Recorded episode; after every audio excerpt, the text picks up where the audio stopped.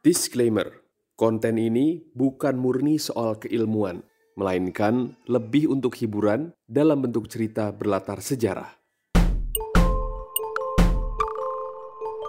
Benar, merah, merah, merah, merah.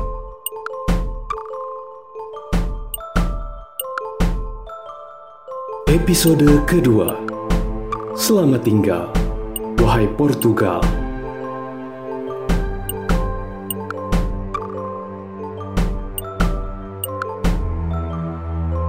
Di episode yang lalu, kita sudah bertualang bersama Francisco Serrao dalam perjalanannya memasuki Maluku, yang awalnya hanya ingin memborong rempah untuk dibawa pulang ke Malaka, malah berujung keterlibatannya dalam politik di kepulauan tersebut.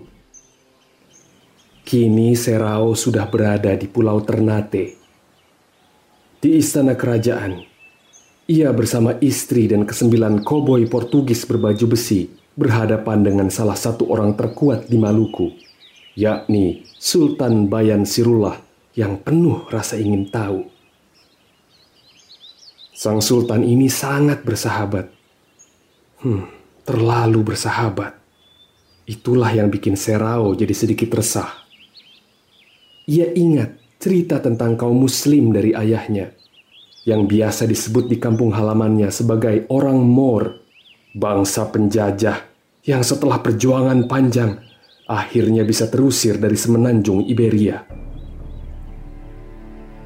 Bangsa Moor yang berusaha mereka kalahkan dalam segala hal. Itu pula alasan kenapa ia berada jauh di negeri asing demi melawan dominasi mereka atas perdagangan rempah selama ini. Teringat juga betapa kerasnya sikap permusuhan Sultan Malaka kepada pasukan Portugis setahun yang lalu. Kaum yang terpaksa mereka bantai habis kala kota itu akhirnya bisa direbut. Yang bahkan setelah itu pun tak berhentinya merongrong dari segala arah. Hari ini, seorang raja dengan agama itu tersenyum pada Serau. Bukan cuma menjanjikan pengiriman rempah ke Malaka secara masif dan rutin, tapi juga tempat tinggal mewah dan posisi kenegaraan yang prestisius kepada Katolik macam Serau.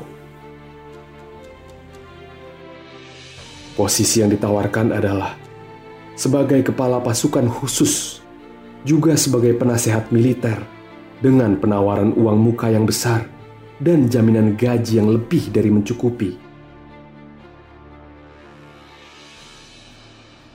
Serao memandangi istri Jawanya.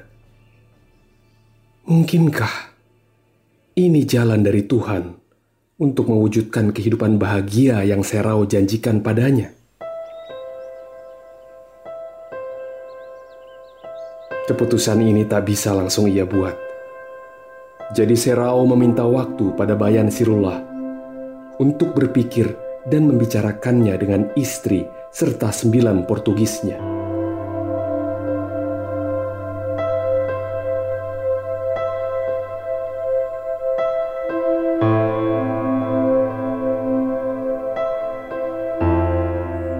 Malam itu, di rumah yang disediakan, Serao mengajak para awaknya untuk mendiskusikan persimpangan jalan yang ada di hadapan mereka. Awalnya mereka hanya membahas soal peta politik Maluku yang secara garis besar terbagi pada empat kekuatan utama. Ternate, Tidore, Bacan, dan Jailolo. Tapi akhirnya Serao melempar pertanyaan. Bisakah Bayan Sirullah dipercaya. Saat itulah muncul seorang lelaki.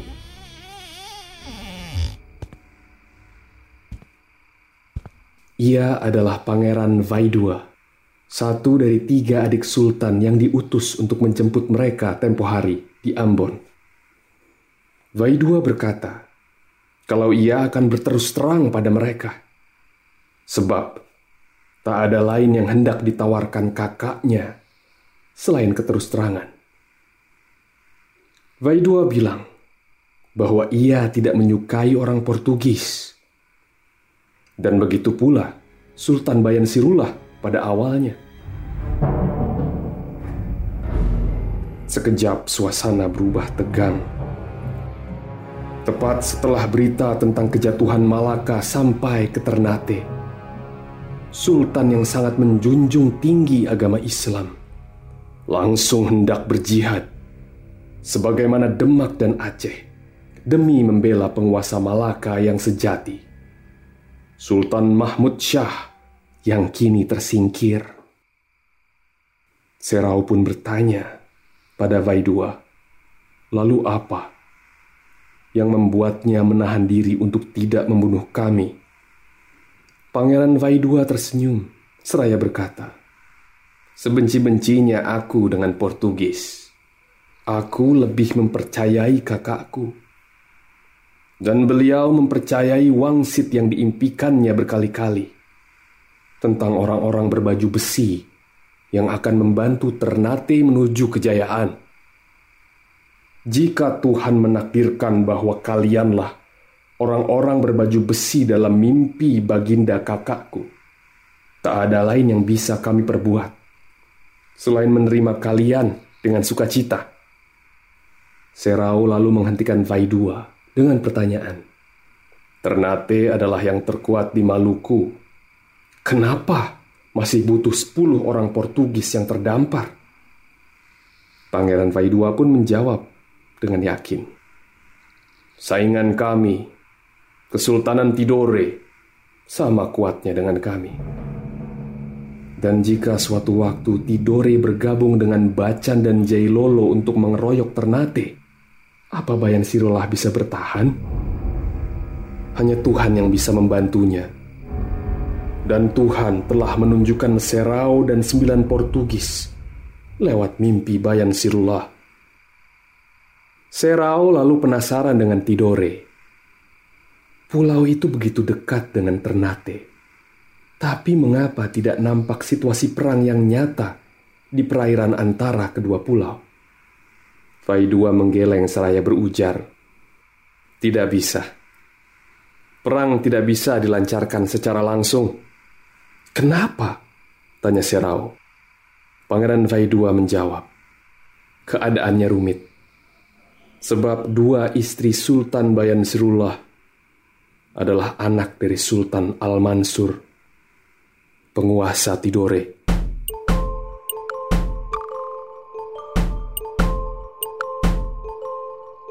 Serau dan sembilan Portugis terdiam seraya saling menatap. Kebingungan.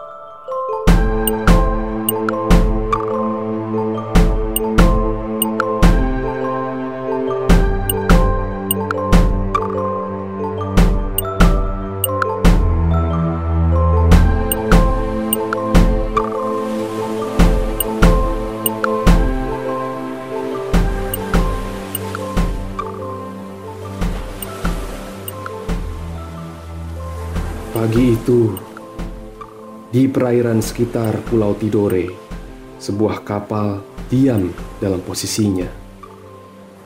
Di bagian ujungnya berdiri seorang lelaki tampan, menatap nanar ke laut. Di belakangnya berdiri belasan perempuan.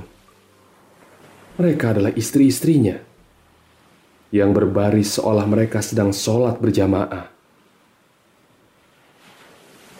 Al-Mansur sedang mengenang ayahnya yang baru saja wafat. Ia menangis dengan amarah yang bergejolak dalam dadanya. Ciri Leliatu, raja Islam pertama di Tidore, bahkan tidak bisa mendapat pemakaman selayaknya seorang Muslim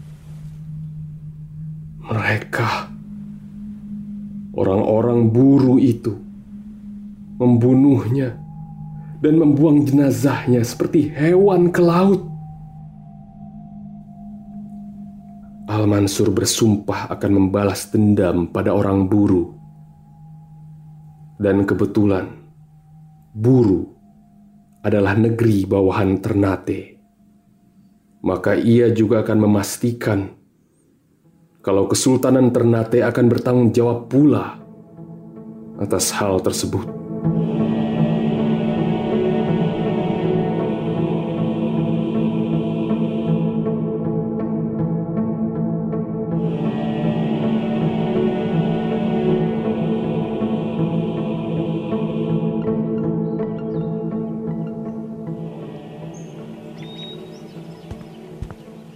Sementara itu, di seberang, Serau memohon untuk menghadap Sultan Bayan Sirullah.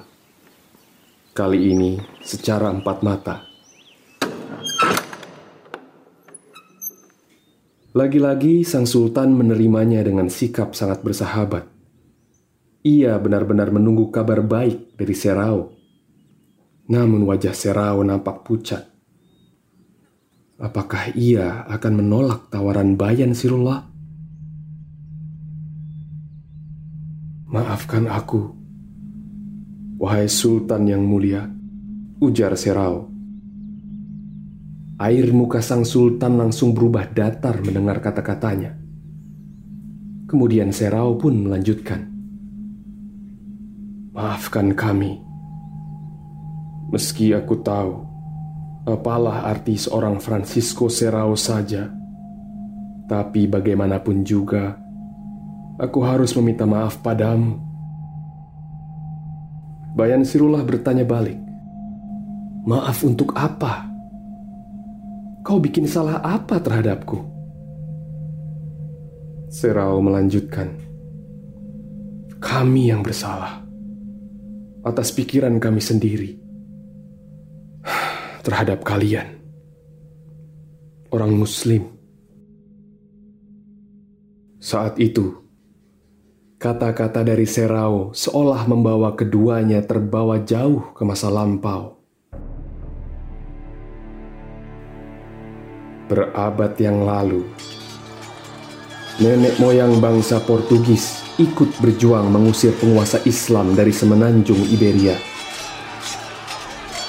setelah menang, mereka ingin melanjutkan kemenangan dengan menyerang kaum Muslim yang mereka sebut sebagai orang Moor di Afrika Utara. Karena mendapat perlawanan gigi, mereka mencoba menyerang orang Moor dari belakang. Lantas, bangsa Portugis mengerahkan kemampuan maritim mereka berlayar ke bagian selatan Afrika Tentu saja, itu membawa mereka tersesat terlalu jauh. Namun, dari ketersesatan itulah bangsa Portugis mendapatkan banyak sekali ilmu pelayaran, juga peta kelautan, menjadikan mereka orang maritim yang tiada duanya di Eropa. Maka era penjelajahan pun dimulai. Selanjutnya, mereka bukan hanya ingin mengalahkan orang Moor di bidang militer dan politik, tapi juga ekonomi. Dan salah satu rahasia kekayaan Islam adalah niaga rempah-rempah yang mereka jalankan sejak zaman kuno. Di Eropa sendiri, rempah-rempah adalah barang langka yang sangat mahal hanya bisa dimiliki oleh para bangsawan dan orang-orang terkaya. Kalau bisa mendapatkan barang itu dari tempat asalnya, mereka bisa mendapatkannya dengan harga jauh lebih murah dan tak lagi harus bergantung pada orang Muslim. Selain bisa menguntungkan diri sendiri, lebih baik lagi mereka bisa memiskinkan para musuh dan setelah Vasco da Gama menemukan rute pelayaran ke India, bangsa Portugis pun merasa bisa mencapai cita-cita itu. Tapi sejauh apa pun mereka pergi, selalu saja mereka menemukan orang Moor di mana-mana. Itu artinya Selalu saja ada yang harus diperangi dan ditaklukkan. Jejak Portugis adalah jejak berdarah. Dan semakin menggenang, semakin menggununglah emas yang mereka dapatkan. Terus ke India, lalu lanjut ke Malaka.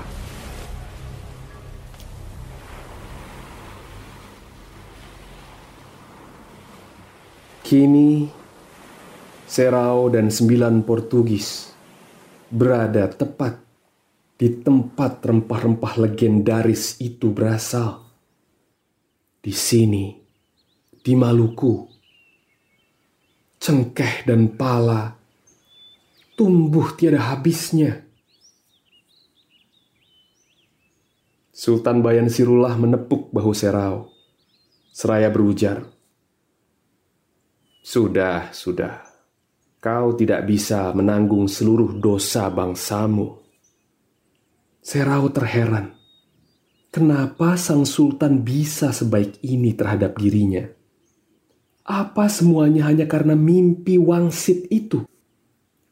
Apa apa karena ambisinya untuk menjadikan Ternate sebagai kesultanan terkuat di Maluku? Mendengar itu, Bayan Sirullah pun tertawa. Serau, kau percaya kalau aku adalah orang yang haus kuasa belaka? Serau, kau pandanglah laut membentang yang memisahkan pulau-pulau di Maluku. Dan segala hal di Maluku ini bagaikan gelombang tak pernah tetap. Aku ingin menjadi yang terkuat, bukan demi diriku sendiri, tapi demi Maluku. Mimpiku bukan hanya tentang orang-orang berbaju besi yang kini telah terwujud dengan kehadiranmu, Serau.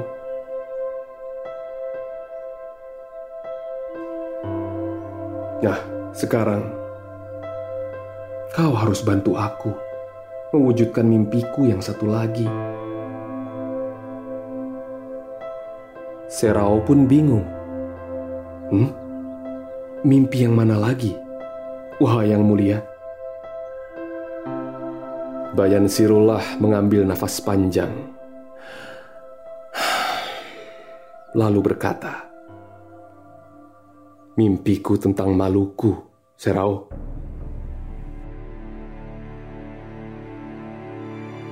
Sudah cukup kuasa empat kerajaan yang bikin kami terpecah sekian lama. Kini, saatnya Maluku menjadi bangsa yang satu. Itulah mimpiku yang utama, Serau.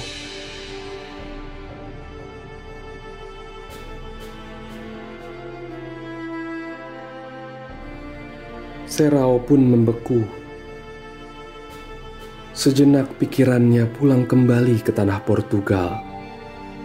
Bersama istri Jawanya, sedang berlayar menjauhi pesisir.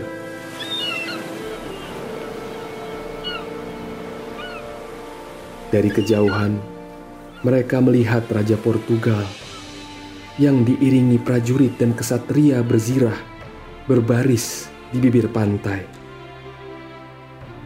raja yang punya hak atas kesetiaan segenap rakyatnya dijamin oleh Tuhan sendiri. Dan berpindah penghambaan artinya adalah sebuah pengkhianatan. Dan itu pantas diganjar hukuman mati. Sang Raja Portugal memandangi Serau tapi ia dan istrinya hanya melambaikan tangan. Seraya berseru, "Selamat tinggal, wahai Portugal!"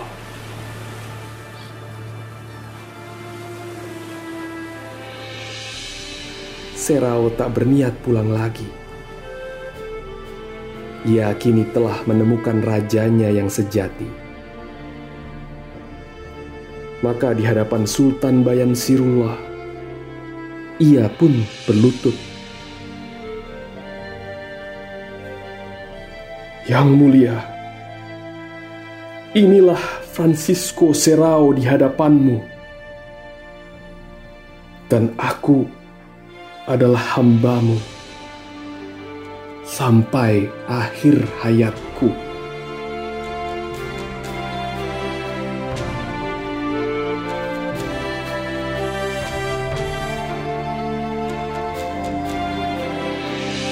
Bagaimana kelanjutan kisahnya? Ikuti hanya di benang merah dalam episode berikutnya yang berjudul Bulan Purnama di Langit Malaka yang akan membawa kita singgah ke tanah Jawa yang tengah membara, lalu lanjut ke semenanjung Malaya di mana orang Melayu dan Portugis sama-sama pusing tujuh keliling.